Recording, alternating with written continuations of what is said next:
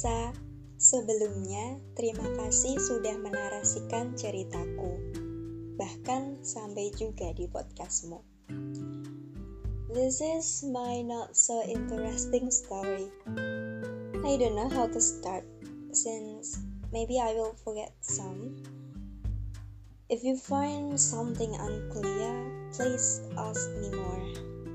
So, jadi gini, kurang lebih dua tahun yang lalu, tepatnya bulan Desember 2019, aku deketin cewek. Sebut saja namanya Sonya. PDKT-nya cuma berjalan dua minggu aja. Dengan dia memberi respons yang begitu baik, perhatian ke aku dan gak pernah marah sekalipun. Oke, okay, memasuki tahun 2020, tepat tahun baru, aku nembak Sonya di depan rumah dia. At that moment, aku gemeteran because I never saying like this before. Dan waktu itu aku kelas 11. Ya udah kita menjalani hari-hari berpacaran kita dengan jalan bareng mulai dari nonton, Ya begitu selayaknya sepasang kekasih. Sebulan pertama, Sonya udah mulai menunjukkan ketoksikannya. Posesif, kemudian apa-apa dilarang sama dia, dan ini tuh bener-bener make no sense. Sampai aku tuh sempat berpikiran buat putusin dia. And you know what? Aku aku doa yang pasti dan selalu aku harapkan kalau memang aku dan Sonya itu enggak berjodoh tolong Tuhan pisahkan kami secepatnya. Because I don't want to waste time more. Sebulan dia udah nunjukin sikap toksiknya dia dan dan ya aku masih menganggap itu normal things.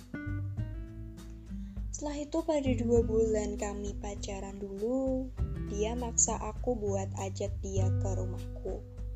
Mungkin dia beralasan supaya deket sama orang tua aku dan ya yeah, my family welcome her very well. Dia di treat sampai kayak anak sendiri dan udah aku ajak ke acara keluarga juga because because I think she was a good girl. My biggest problem here was memperkenalkan dia ke keluarga. Karena aku kira dengan kenalin dia ke keluarga dan kita saling kenal, gak bakal kejadian apa-apa. Di malam sebelum kejadian, Dia tiba-tiba datang ke rumahku, minta diantar gara-gara ada masalah sama papanya. Ya, she have a broken home family. Itu sekitar jam 11 malam. Dan mamaku rela loh buat nganterin dia malam-malam.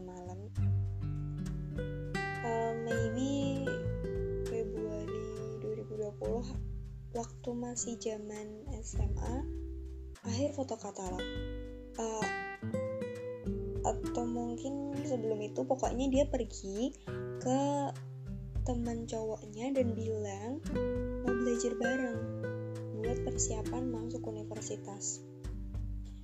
Ya di sinilah kesalahanku lagi dengan memperbolehkannya. Karena aku juga kenal sih cowok itu baik-baik dan dia temen aku dari SMP sampai SMA ya sebenarnya aku mulai merasa janggal waktu dia ke rumah teman cowok buat belajar itu seminggu berturut-turut. Dan yaudah aku tetap biarin aja because because I put trust And my third problem is I put too much trust on her. Then then I ask her to tell the truth daripada aku yang harus cari tahu. Dan akhirnya dia jujur kalau dia nggak cuma belajar aja tapi tapi she hugged him kissed him. Di posisi aku udah satu tahun setengah dan bodohnya aku lagi. Aku maafin dia dan kasih satu lagi kesempatan. Nah waktu foto katalog. Soalnya sama cowok itu lagi dan ada beberapa rekan cewek dia yang lain sih. Ya aku anggap itu wajar aja. Soalnya di situ ada teman-temannya Sonya yang cewek juga. Ya walaupun tetap ada si cowok itu lagi sih. Um, temannya itu satu mobil yang sama dia udah pulang dari jam 5 sore sedangkan Sonya dan si cowok itu sampai sebe jam 11 malam itu uh, belum pulang juga. Dan ya aku udah ngerasa aneh banget. Besoknya aku nanya ke dia baik-baik. Aku telepon dan minta dia buat cerita aja kamu ngelakuin apa aja semalam. Dia nangis. Minta maaf ke aku tapi dia udah bener-bener bikin aku kecewa sih. Dan dia cerita sejujurnya kalau dia udah kayak gitu di mobil lo udah jaga bener-bener sesuatu dan dirusak gitu aja sama orang lain ya itu bener-bener heartbreak hampir terbesarku di saat itu juga aku langsung putusin dia. Dia minta maaf, bujuk-bujuk aku, terus ngontak aku bahkan nangis ini itu tapi tapi aku udah nggak bisa terima itu lagi. Dan akhir-akhir ini tiba-tiba dia kontak aku lagi dan telepon bilang kalau dia kangen dan nyesel buat yang dulu-dulu. Nggak lama setelah telepon aku blok dia dan dan ternyata emang dia orangnya itu dalam tanda kutip nakal dan itu baru terkuak sama teman-teman aku setelah kita putus. Ya sekian Risa. That's all from my story.